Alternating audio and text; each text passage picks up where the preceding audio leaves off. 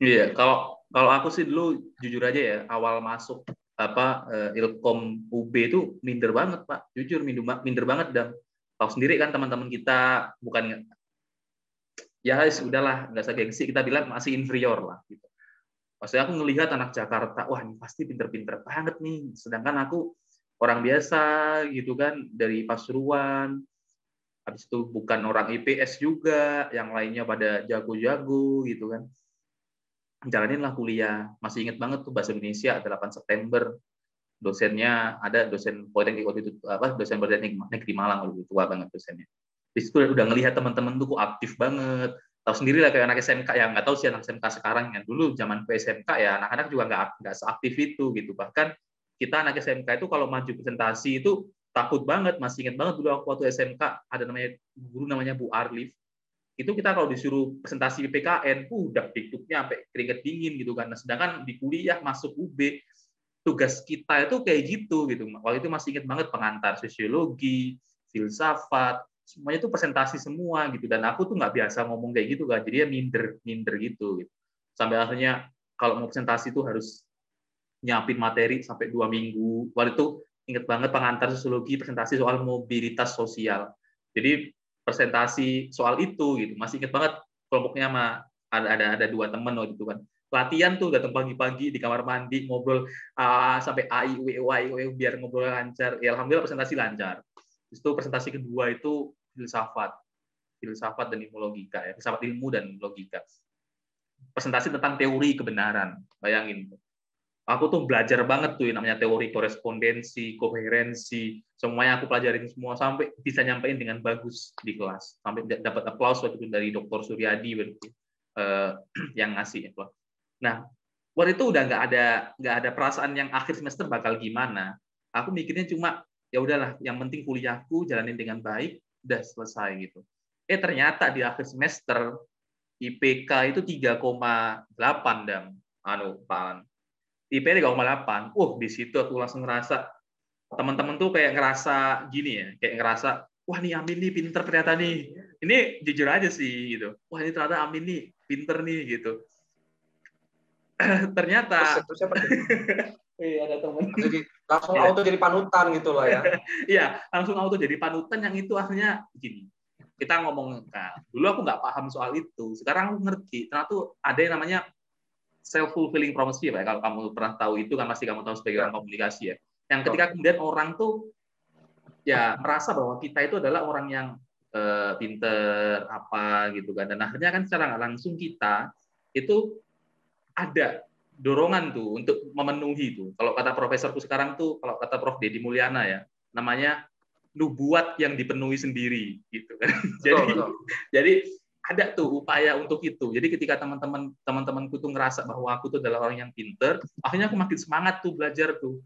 Akhirnya ya udah semester 2 IPK naik lagi tuh 3,9. Wih, makin pede lah. makin pede. Waktu itu makin pede. Wah, berarti ini berarti sampai aku tuh sampai ngerasa oh iya kalau orang-orang tuh memprediksikan aku pinter maka aku berusaha untuk itu gitu. Nah, tapi emang benar gitu loh. Secara teori emang kayak gitu. Ketika ketika kita guru guru itu bilang orang yang di depan itu pasti pinter gitu. Dan ternyata sampai ujian itu benar nilainya bagus. Kenapa?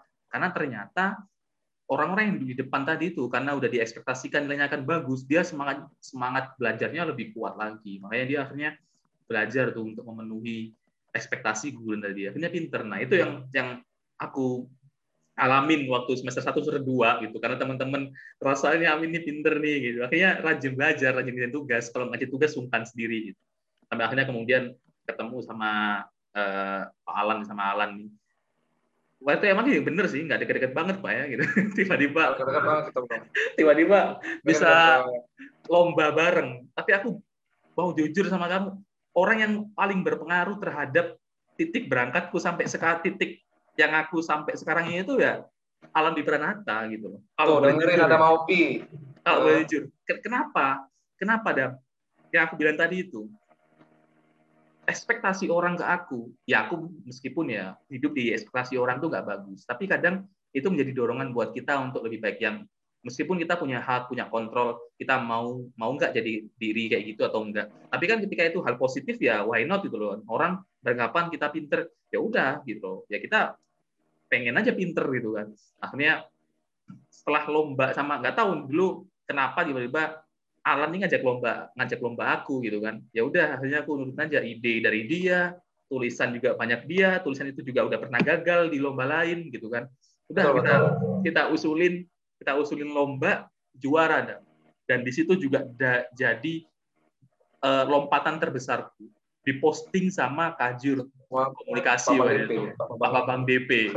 Wow, itu ibaratnya kalau dulu belum ada kata-kata viral gitu ya. Ibaratnya dulu viral, semua orang ngomong gitu, wih keren ya Alan, wih keren ya Amin gitu. Sampai akhirnya aku ngerasa itu benar-benar membangun percaya diriku banget dari orang yang akhirnya aku dari SMK itu yang ngerasa nggak pede ketemu sama teman-teman Jakarta, Jabodetabek dan sekitarnya yang mungkin mereka lebih pinter ngomong, lebih pinter menyesuaikan diri, aku jadi pede. Apalagi setelah gabung organisasi himpunan mahasiswa ilmu komunikasi, waktu jadi pede. Akhirnya ya itu yang makanya aku bilang ya diajak Alan tuh benar-benar jadi titik berangkat. Akhirnya berani tiba-tiba karena sering diomongin kayak gitu sama orang-orang, dosen akhirnya juga trust ke kita ke aku khususnya dikasih proyekan ikut sama dosen dari semester 4 tuh Habis itu terus kita juara lagi, padahal juara harapan Pak ya. Tetap aja juga dapat apresiasi. tetap dapat apresiasi.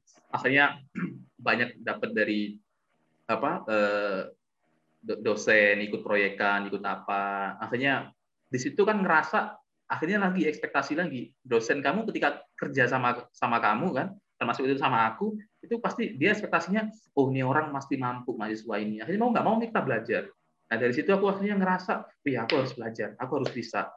Ya udah diwujudin terus. Banyak akhirnya sampai akhirnya ketemu dosen namanya Pak Bayu itu. Pak Bayu Indra Pertama itu kan. Salah satu juga orang yang menurutku berjasa ya di di titik aku sampai sekarang ini gitu ya Pak Bayu ya, dan Anand Pranata. Pak Bayu itu karena ada tugas kuliah, semua orang tuh ngambilnya itu bukan topik yang riset, sedangkan aku ngambil topik riset.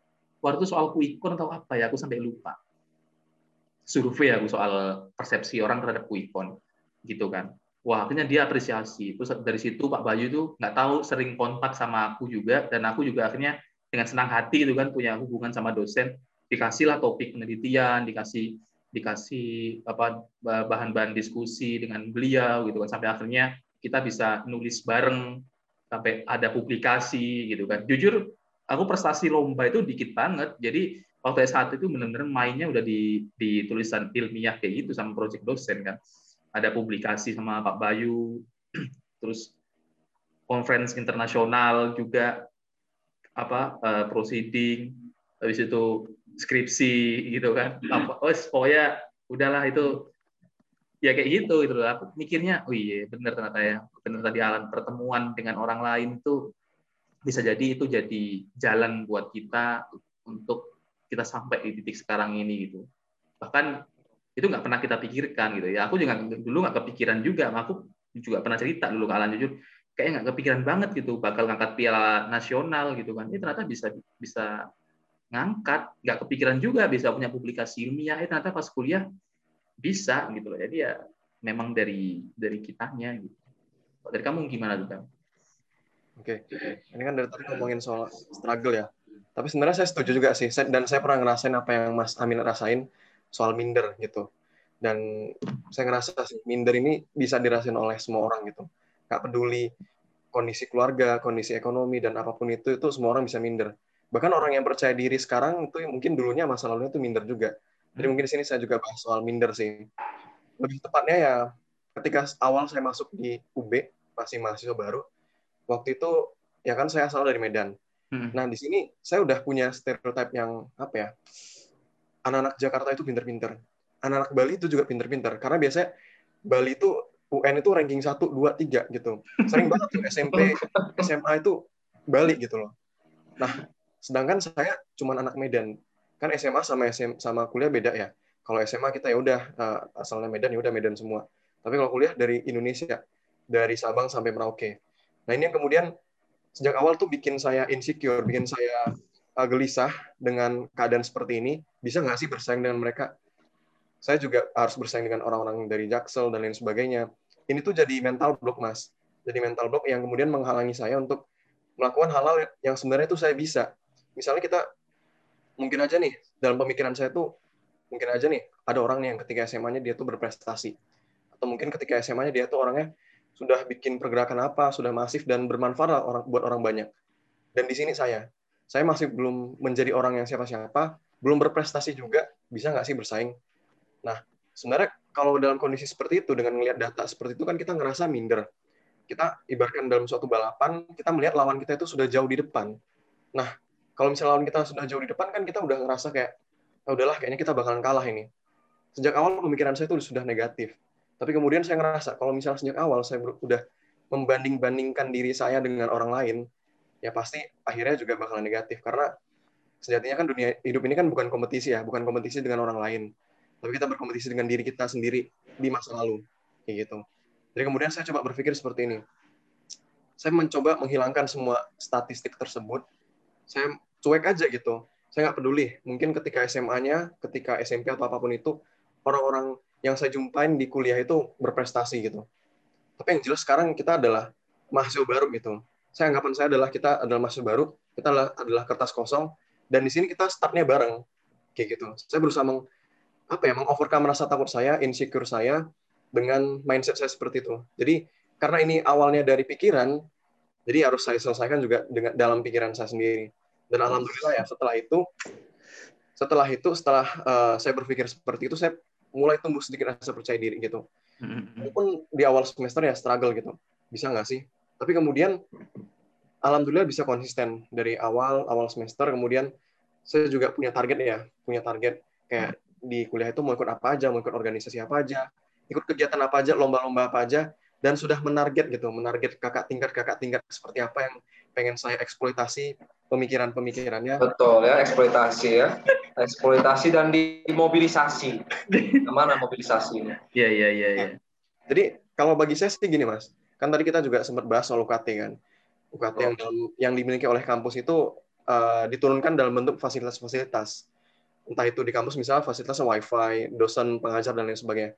Tapi bagi saya yang paling penting lah, ya selain itu ya, fasilitas kampus itu adalah cutting-cutting yang berprestasi. Menurut saya itu fasilitas yang Waduh, quote penjilat kamu. Ya. Penjilat kamu ya. Quote of the day. Enggak, Quote of the day. Sebenarnya banyak sih, sebenarnya banyak sih fasilitas dari kampus yang diberikan yang yang nggak bisa uh, kita lihat secara langsung. Misalnya ya cutting tadi. Kemudian organisasi organisasi-organisasi yang profesional kayak BM atau apa pun itu. Nah itu sebenarnya fasilitas yang ditawarkan kampus yang kalau misalnya nggak kita ambil, ya sia-sia kita bayar UKT mahal-mahal, ibaratkan kita nginap nih di hotel bintang 5. Semakin banyak bintangnya kan fasilitasnya semakin banyak. Tapi kita nginap di hotel itu ya cuma sekedar tidur aja gitu. Kan sia-sia jatuhnya. Ngapain, oh. ngapain lah kita kuliah jauh-jauh kalau misalnya ujungnya cuma sekedar di kelas aja. Kayak gitu. Terus hmm. kemudian uh, ketika saya di kampus itu, terutama pas di semester-semester awal, saya udah aktif gitu ikut organisasi. Kemudian narget-nargetin cutting itu udah ada lah kayak gitu. Hmm. Itu sih mas mungkin sedikit yeah. uh, struggle saya mungkin awalnya ya struggle di soal pemikiran sih ada rasa iya. minder dan minder ini bisa terjadi ke siapa aja jadi hmm. memang harus dibahas sih soal minder ini iya yeah, iya yeah. dan aku menyukuri mensyukuri satu hal ini gitu ya jadi uh, ya setelah kamu bertemu sama aku sama Mas Alan kamu bisa sampai kayak gini gitu jadi aku sangat sangat amazed banget gitu loh kan ternyata ada ama yang aku temui dulu pas ini itu sekarang udah sampai sedewasa ini. Gitu Betul, gitu ya. Pak. Dan bersyukurnya Pak ya, bersyukurnya nih ya, bersyukur bayangin nih ya, bayangin nih. Kos-kosan itu ya, kosan itu kosan berkah Pak. Ya. Hmm. Kan ya. memang yang Pak yang waktu itu paling tua kan aku ya, sama Mas Diki. Ya. Hmm. Waktu itu kita geng itu Mas Diki, Mas Abi, waktu itu ada Mas Dito. Akhirnya kan mereka pada hengkang semua, karena pada pada lulus, kamu kemudian masuk nih, ya hmm. ya kan? Masuk masuklah sampai Syamil, Adi, ya sorry Adi dulu ya. Adi kamu barengan sama Adi. Eh, hmm. Adi duluan cuy. Adi kamu Adi duluan. Kamu kan 17. Kamu barengan sama kemudian sama Syamil ya. Waktu itu sama Syamil kan. Terus akhirnya Irian diganti Nanda gitu kan. Dan kemudian ini nih orang ini datang ke kos-kosan bilang apa coba? Kos-kosan hmm. gabut ya. Dan akhirnya hmm. dia jadi anggota kos-kosan itu gitu iya, kan. Iya, iya. Kosan kita guys di Kerto Residence, Jalan Kerto Raharjo nomor 17. 17. Cari aja di Google Kerto Residence. Nah, itu itu semua alhamdulillah alhamdulillah kemudian padahal kita tidak ada program tidak ada apa tapi kemudian yang di sana ya yang akhirnya yang kemudian bermukim di sana alhamdulillah kemudian memang benar-benar bisa menebar manfaat gitu loh ada yang kemudian jadi ini jadi menteri Inoya terus Adi waktu itu jadi apa PJMO ya ketua yeah, yeah. PJMO Nanda sekarang juga di EM gitu. Samil sekarang juga kemudian aktif dari uh, juga uh, mendahului Adam juga dari dirjen uh, menggantikan aku. Kayak gitu sekarang di DP sempat kemudian di DPM sekarang di PM ya? Sekarang? Tahun lalu tahun lalu. Udah, udah udah udah turun ya udah di DPM artinya begitulah ya. Makanya circle itu kemudian ditemukan sama orang lama tuh kata Adam itu adalah kemudian turunan dari UKT yang kemudian itu lebih mahal daripada fasilitas-fasilitas yang tangible. Gitu. iya iya iya. Jadi we have to focus gitu ya terhadap hal-hal yang sifatnya intangible yang itu Betul. kalau kita bisa dalam tanda kutip mengeksploitasi dengan baik, nah itu Betul. bisa jadi manfaat buat kita gitu kan. Dosen tuh bisa kita eksploitasi benar, dengan benar. baik. Sayang banget Pak dosen dosen-dosen kita yang doktor-doktor yang udah berkelas kalau nggak kita eksploitasi ilmunya, kita serap dengan baik ilmunya. Sayang banget kalau kita kalau kita fokusnya hanya soal LCD sama AC gitu ya sama. Meskipun ini nanti banyak meskipun ini nanti ya. iya aku mau boleh kayak gini nanti banyak yang, banyak yang protes lagi nanti. Wah ini nggak pro nih gini gini gini. Ya tapi ya benar ada tadi eh, aku rasa kita juga harus mensyukuri hal-hal yang sifatnya intangible dari biaya kuliah yang kita keluarkan. Ya meskipun aku beasiswa juga bukan nggak keluar dana gitu. Waktu itu memang kurang kurang juga lah uh, uang segitu buat hidup uh, bayar kos-kosan di Malang yang mungkin tahu sendiri harganya berapa gitu. Tapi itu tetap aku syukuri. Tapi tetap uh, ya pasti ada yang kita keluarkan. Mantap mantap kok kamu dan ya gitu aku bilang semenjak kamu kenal kita kamu bisa merenungi hmm. itu gitu. Betul. Kayak gitu. Ya. Semenjak ya. dititipkan oleh Pape ya. Ya. Terus nih uh, menarik sih untuk kita juga buat ngobrolin uh, kalau menurut kalian nih kalau misalkan adik-adik kita gitu ya nggak keterima di PTN gitu terus apakah PTS tuh worth it buat buat kita gitu buat buat adik-adik kita maksudnya? Uh, dengan mungkin cara berpikir yang kayak yang kayak tadi itu gitu loh. Kita bagaimana mengembangkan diri dan bagaimana kemudian bisa mengeksploitasi dalam tanda kutip resource-resource yang ada di kampus yang mungkin sifatnya uh, intangible gitu. Nah, kalau uh, dari kamu gimana nih, Dam? Kalau PTS nih. Kalau kalau ya kan nggak mungkin nggak mungkin masuk PTN semua kan SMA jumlahnya berapa Benar. gitu jadi harus ada yang berkorban masuk PTS nah itu gimana tuh ya kalau ngomongin soal worth it atau enggak berarti kan kita bahas soal ada yang masuk ada yang keluar lah gitu. UKT yang kita berikan kemudian fasilitas apa yang kita dapat itu yang menjadi perbandingan Nah, saya rasa sih sebenarnya kampus-kampus PTS di Indonesia itu juga banyak yang bagus-bagus loh mas, banyak yang bagus-bagus dan menawarkan malah menawarkan suatu hal yang berbeda gitu dibandingkan kampus PTN misalnya kesempatan kerjasama dengan eh, kampus-kampus internasional lainnya. Nah itu sebenarnya banyak sih di PTS-PTS swasta. Cuman mungkin sedikit sih uh, yang saya ketemuin ketika kita ngikutin lomba-lomba ya, lomba-lomba nasional maupun lomba internasional. Saya rasa sedikit minusnya sih di situ karena hmm. yang saya lihat di di PTS ya, itu orientasinya mungkin lebih ke profesional sih, Mas. Jadi jadi mungkin sejak awal mungkin sudah diarahkan ke situ. Kalau misalnya masuk PTN kan kita masih banyak yang uh, mencoba ini, mencoba itu, ikut organisasi ini, ikut kegiatan ini, kayak gitu. Makanya ketika saya ikut lomba-lomba, uh, sedikit saya jumpain teman-teman dari PTS. Tapi mungkin kebetulan aja, kebetulan nggak jumpa. Nah, ini sebenarnya menjadi poin plus buat teman-teman yang nanti keterima di PTS. Karena kita bisa buka kebiasaan baru kita bisa buka culture baru uh, baru lah. Jadi, jadi inisiator lah ya jadi pelopor ya. Bener. Nah ini saya rasa juga uh, malah bisa jadi poin plus banget ya. Kayak misalnya kita lomba nih di UB lomba di UB itu tuh misalnya kita bahas soal reward nih.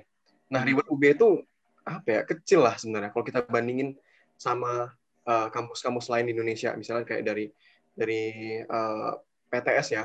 Nah itu sebenarnya termasuk kecil. Walaupun ya ya uh, lumayan lah. Tapi kalau dibandingin sama yang lain itu uh, kecil. Jadi kalau misalnya bisa dieksploitasi itu uh, oleh mahasiswa-mahasiswa PTS itu pasti bakalan worth it lah. Tuh, jadi terjawab lah. Uh, saya rasa uh, pertanyaan dari Mas Amin kalau sebenarnya kalau di mana pun kita kuliah, kalau bisa kita manfaatin semua fasilitasnya, kita bisa eksploitasi tadi, ya insya Allah itu bakal worth it.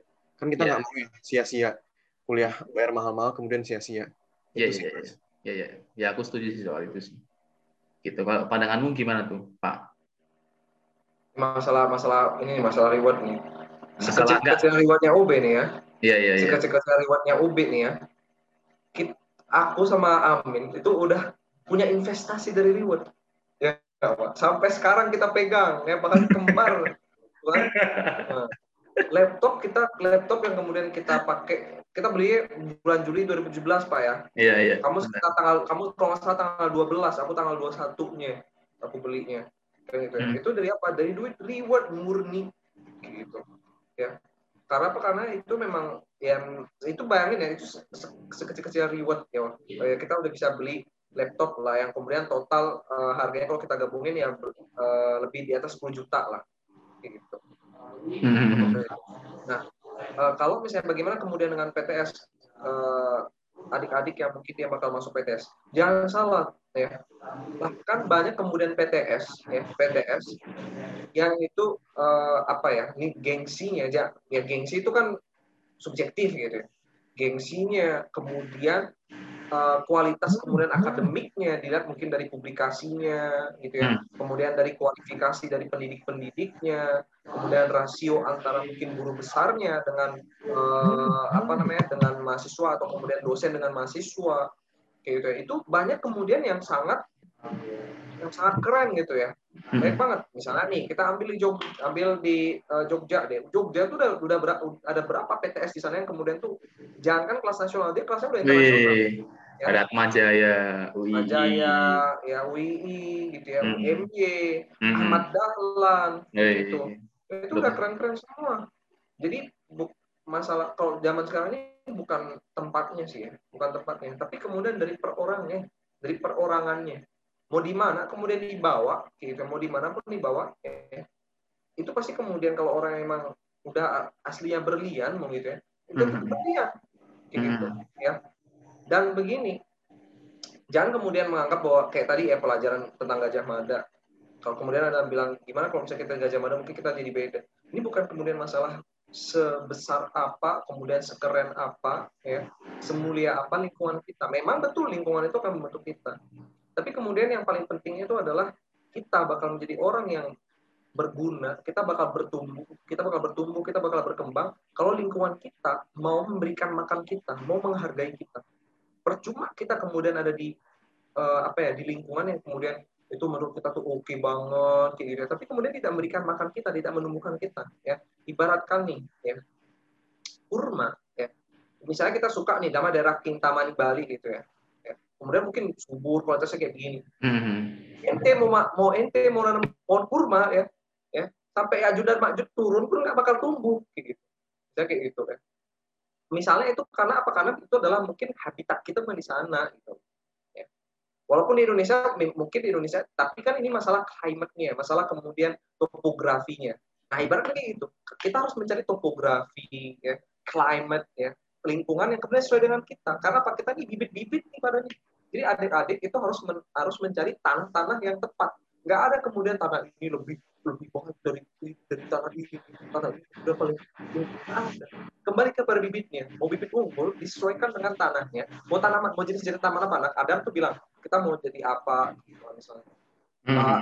uh, itu kemudian jadi planning. Kita mau jadi tanaman pohon kelapa, carilah kemudian tanah yang cocok untuk ditanam pohon kelapa kita mau jadi stroberi, carilah tanah yang kemudian cocok untuk tanam stroberi. Kembali dari bibitnya sih Pak. Jadi PTS mau PTN oke oke aja, syukuri iya. gitu. Benar-benar, oke oke aja. Jadi nanti ya buat adik-adik yang mungkin belum rezeki gitu ya di SNBTN ataupun SBPTN gitu, sedih itu boleh dan manusiawi banget. Tapi kita harus percaya tadi itu. Kalau kita itu emas, gitu kan, mau dilempar ke mana aja ya tetap akan jadi emas gitu loh. Beda, nggak akan seberkarat apa pun emas memang bisa berkarat, kayaknya enggak ya. Jadi sekotor apa pun emas kalau misalkan kita bisa memoles ya, ya akan makin cemerlang gitu di mana pun tempatnya. Benar juga. dan banyak juga sekarang ya PTS PTS apalagi wih udah bergengsi uh, banget gitu ya kayak UMM kemarin dapat penghargaan perguruan tinggi Islam terbaik di dunia gitu. Terus juga kalau kita ngomong soal biaya nih Pak, PTS sama PTN juga nggak jauh-jauh banget kan kalau kita lihat gitu. Bisa jadi sama aja gitu kan. Peluang beasiswa juga kita bisa bisa raih di uh, eh, PTS. Jadi peluangnya sama aja sih sebenarnya sekarang berarti gitu ya. Iya, betul betul.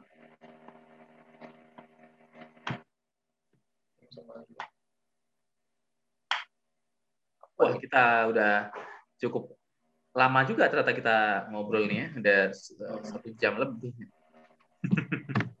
Apalagi nih kira-kira apa, apa ada ada pesan nggak nih buat uh, adik-adik kita nih yang mungkin sekarang sedang berjuang, gimana sih caranya menikmati perjuangan, caranya bersabar dalam perjuangan gitu.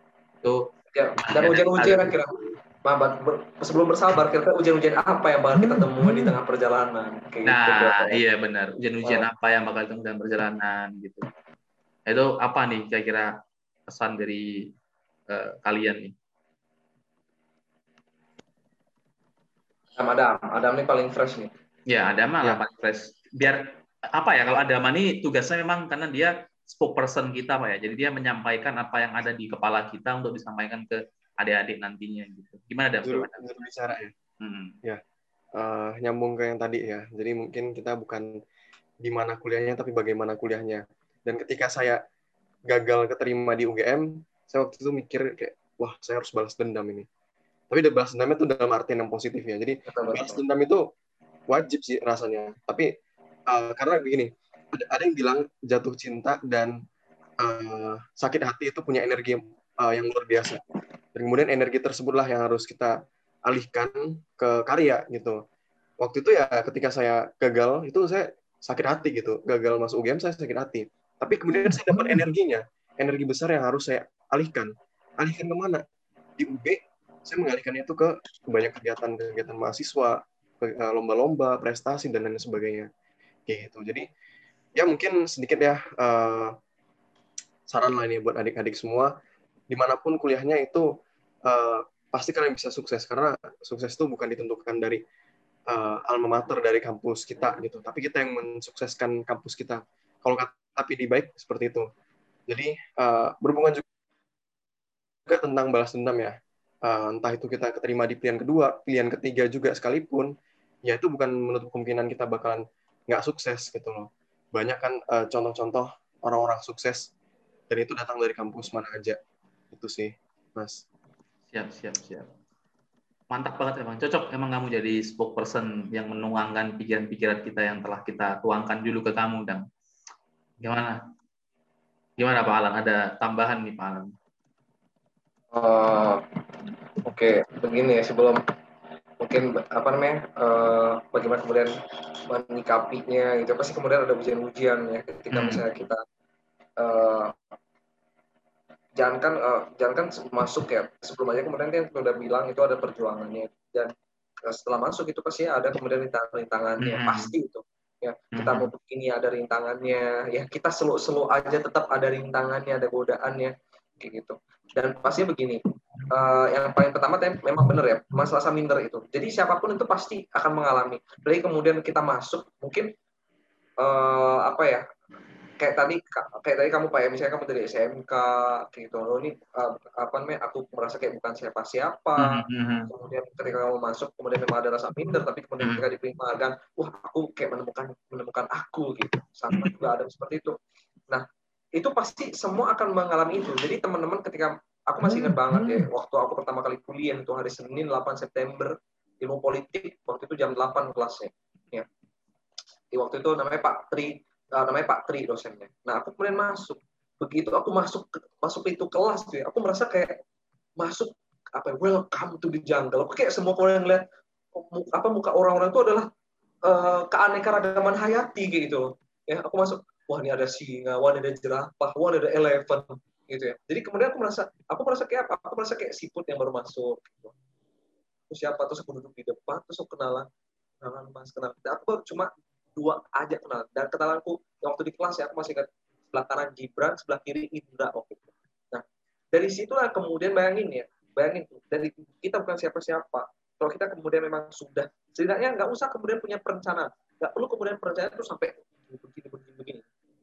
Dan terbukti gitu. Kalau misalnya dari kita ngomong tadi ya, aku misalnya nggak ada mungkin rencana bagaimana bagaimana mau apres hmm. nggak ada kemudian seperti itu. Amin. Kemudian nggak ada kemudian planning oh aku menjadi uh, sebagai publisher uh, sebagai penulis gitu ingin uh, ikut kayak begini. Adam kemudian mau ikut kayak begini aku jadi menteri menteri begini. Nggak ada kayak begitu.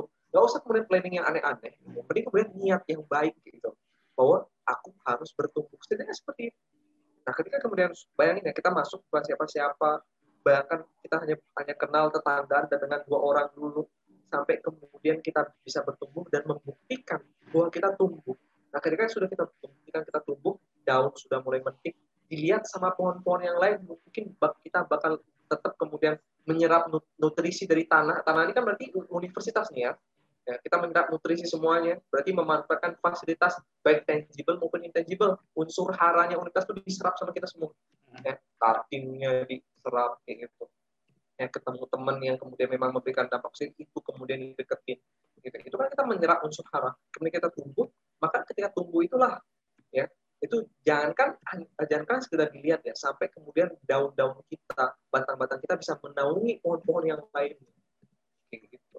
Ya apalagi sampai kemudian akar kita bisa menumbuhkan tunas-tunas. Dan kemudian batang-batang kita dicari oleh eh, lebah-lebah kemudian diserbuk diserbuki ya kemudian menumbuhkan buah-buah. Seperti itu ya. sampai buah itu kemudian kalau, kalaupun tidak dimanfaatkan maka dia akan jatuh. Daun kita pun akan jatuh. Dan dan akan memberikan unsur hara kembali ke mana? Ke tanah. Berarti memberikan manfaat kembali ke universitas. Gitu ya. Jadi kita ini hanyalah bibit. Dan kita hanya mencari tanah yang tepat ya. Topografinya iklimnya ya pokoknya jadilah bibit yang kemudian selalu, selalu bertumbuh sampai kemudian daun dan uh, batangnya menaungi tumbuhan-tumbuhan yang lain bahkan unit bahkan tanah itu sendiri. Dan kemudian pohon uh, kemudian daunnya dan buahnya akan jatuh kembali ke tanah membusuk membusuknya pun kemudian menjadi pupuk kemudian akan memberi, uh, memberikan unsur hara kembali ke tanah dan akarnya menjadi tunas-tunas yang akan menumbuh menumbuhkan the next version of us. Luar biasa sih retorikanya luar biasa udah cocok banget dam ya. Jadi ini dam ya. Jadi politikus ya. Udah yeah. udah udah siap menggantikan Nadiem Makarim sepertinya masya Allah. Gitu ya. Menumbuhkan semangat semangat belajar dari generasi penerus bangsa nih. Kayak gitu. Benar-benar dalam banget. Ya kalau kalau aku hanya ngapain ya? Gini-gini aja kalau aku ya pesannya udah diambil semua sama kalian kan tadi yang udah aku kasih sore-sore tadi kan maksudnya udah disampaikan semua pada malam hari ini gitu. Jadi nggak perlu aku sampaikan lagi lah ya. Jangan salah pak. Kamu harus jadi ultimate jadi pamungkas. Ada ada statement. ada expander expander ultimate itu adalah versi tertingginya dia. Ya. Kamu harus jadi kemudian versi tertingginya. Hmm. hmm, hmm, hmm. Ya kalau kalau kalau aku sih mungkin ya buat adik-adik gitu ya, buat buat teman-teman juga nanti yang barangkali mungkin melihat video ini gitu, uh, apalagi mungkin uh, kita yang mungkin Muslim gitu kan diajarkan kalau ya kita punya Allah lah, tidak perlu minder. Islam itu wibawa gitu ya. Apa kalau kita sebagai orang Muslim itu wibawa, tidak ada kemuliaan kecuali dari Allah yang menjadikan kita besar. Hati adalah Allah. Jadi ya ya gitu ketika kita ada Allah kita pasti kita tidak boleh merasa untuk minder gitu karena percaya diri itu darinya dari Allah. Tipsnya juga apa ya jangan terlalu inilah jangan uh, jangan terlalu mendewakan upaya kita sebagai seorang seorang manusia bangga dengan upaya kita. Di Alan juga sampaikan banyak banyak banget mungkin uh, apa ya adik-adik kita gitu dulu ya gitu. Apalagi teman-teman kita juga pasti mungkin ngalamin ketika udah berjuang keras banget gitu kan les ke mana mana ngeluarin biaya jutaan rupiah ya itu memang bagian dari upaya tapi pada pada akhirnya ada hal-hal yang sifatnya itu tak terduga gitu loh. Upaya memang harus dilakukan karena itu jadi pahala buat kita. Allah akan nulis itu jadi pahala buat kita lepas dari upaya kita itu akan berbuah manis ataukah berbuah kegagalan. Tapi tetap gitu loh kita nggak boleh membanggakan itu. Kita tetap harus harus harus menyandarkan pada uh, sang kuasa dari itu untuk untuk sang kuasa itu rela memberikan faktor X-nya tadi itu sehingga kita bisa bisa dapat apa yang kita inginkan tadi itu. Terus kemudian ya ingat orang tua kita di saat berjuang tadi Alan sampaikan ada nggak ujian-ujian yang mungkin dialami pasti dan setiap orang pasti punya ujian yang beda-beda, ngalamin hal yang beda-beda. Kalaupun ujiannya sama, persepsinya atau cara mengatasinya pasti juga beda-beda. Jadi kita bisa dapat banyak pengalaman dari cerita orang lain. Tanya aja gitu kira-kira apa sih uh, struggle mereka terus bagaimana kemudian mereka memaintain emosi mereka memaintain semangat mereka itu pasti beda-beda. Meskipun perjuangannya sama sama-sama pengen masuk PTN gitu. Tapi kalau ditanya semua mahasiswa yang udah masuk PTN kalau ditanya perjuangannya wah itu pasti beda-beda sangat-sangat sangat subjektif. Dan ketika kembali lagi ketika kita udah mulai down gitu kan terhadap mimpi kita ya ingat orang ingat orang tua kita gitu kan. Orang tua kita itu yang ya sangat sangat luar biasa lah gitu ya mempercayakan mempercayakan anaknya untuk kemudian uh, bisa sekolah perguruan tinggi. Mereka percaya bahwa anaknya itu anak yang bisa kok. Kamu itu bisa sebagai sebagai sebagai sebagai anak tuh kamu tuh bisa kok berjuang. Jadi mereka mereka percaya dan dan itu sih yang menurutku uh, harus jadi motivasi. Dulu aku yang ngerasanya kayak gitu. Ketika aku ngerasa wah ini kayaknya agak males nih belajar, tapi aku ngerasa bahwa orang tuaku punya mimpi bahwa anaknya itu pasti kok bisa kuliah gitu. Meskipun dengan dengan uh, dengan harus berjuang sedemikian rupa gitu kan. Ya, itu sih ingat-ingat ingat orang tua gitu. Kalau aku ya, orang tua kita itu telah begitu percaya diri gitu ya, menyekolahkan anaknya sampai tetesan keringat yang mereka keluarkan itu tidak lain tidak bukan hanya untuk melihat anaknya ini menjadi lebih baik dari orang tuanya dan lebih bermanfaat untuk banyak orang gitu. Jadi ya menurutku buat adik-adik tidakkah kita ingin jadi orang yang percaya diri, yang tidak minder, yang mau mewujudkan mimpi kita, yang kemudian mimpi kita itu bisa melukiskan senyuman yang sangat indah di wajah kedua orang tua kita yang mungkin orang tua kita masih ada. Ya itulah bibit-bibit semangat yang kemudian kita bisa terus jadikan apa ya sumber energi ketika kita lagi down. Gitu sih pak. Jangan lupa doakan orang tua kita juga biar nanti jalan kita juga dimudahkan untuk meraih mimpi-mimpi kita. Kayak gitu sih. Nah, setiap kemudahan yang kemudian kita dapatkan selama perjuangan ya nggak cuma di perkuliahan itu adalah hasil dari doa dan sujud malam kedua orang tua kita Iya iya iya. Aku sih setuju setuju soal itu. Kadang kita ya gitu ya berjuang keras banget gitu kan. Makanya tadi aku bilang gitu. Jadi kita ngerasa bahwa wah aku nih keterima nih karena emang berjuang keras gitu. Tapi kita ternyata harus merenung kembali. Jangan-jangan kesuksesan kita itu ya karena sujud orang tua kita yang lebih lama dari kita ini gitu yang mereka mungkin malamnya bangun untuk mendoakan agar anaknya ini lolos SNMPTN agar anaknya lolos SBMPTN gitu. Mungkin itu karena doa-doa mereka atau juga karena doa orang-orang baik yang mungkin pernah kita tolong di teman-teman SMA gitu kan. Yang kemudian diam-diam mereka mendoakan, aduh semoga nih si uh, A ini bisa keterima, bisa jadi orang yang berhasil. Makanya itu selama ada kesempatan untuk berbuat baik, maka berbaiklah. Karena itulah yang diridukan oleh para orang-orang yang telah mendahului kita. Seperti itu. Gila, super banget ya. Super, super sekali. Udah bisa lah ini. Gila, gila, gila. Kelas motivasi, Mas. Iya, nanti itu yang di highlight ya. Siap, siap, siap. Gitu. Oke, okay. guys. Nah, itu tadi semoga obrolan kita nih bermanfaat nih buat adik-adik buat adik-adik kita yang sedang berjuang wow. di SNPTN dan mungkin nanti bukan setelah berjuang di SNPTN dan SNPTN aja tapi juga struggle di dunia perkuliahan yang mungkin ketika awal kuliah minder. Terus bagaimana sih uh, caranya bisa tetap memaintain memaintain uh, apa ya ya semangat kayak gitu. Itu mungkin barangkali nanti ini bisa jadi manfaat dan kita bisa obrolin lagi nih kira-kira mungkin nanti apa yang menarik yang kita bisa bahas nih kayak gitu. Ya, thank you Amin. banget. Karena ini bakal berlanjut nih ya obrolan-obrolan kita ya dan yeah, berbagai yeah. macam topik yang lainnya. Berbagai macam topik yang lain pasti kita akan lanjutin kayak gitu. Jadi topik-topik yang menggelitik pihak-pihak yang meneliti. Kalau kita ngomongin pendidikan terus kan pasti nanti nggak nggak asik ya. Sekali kita ngomongin percintaan lah. Betul ya. Pastilah eh, seorang akademisi pun pasti juga pernah mencicipi atau tersentuh dengan benih-benih asmara yang tak jarang juga melukai hatinya gitu. Jadi Betul. kita kita penting nanti untuk bahas itu nih. Thank you banget nih Alan di Pranata dan Anda Mahukin terlalu buat waktunya dan terima kasih buat diriku sendiri yang udah menyempatkan waktu hari ini. Gitu. Kita sampai jumpa di next obrolan yang penting nggak penting, tapi insya Allah ada manfaatnya. Nah kan belum tentu kan, bisa jadi nggak penting, bisa jadi nggak penting tapi bermanfaat. Bermanfaat. Gitu. Kita nggak tahu. Jadi tunggu aja guys.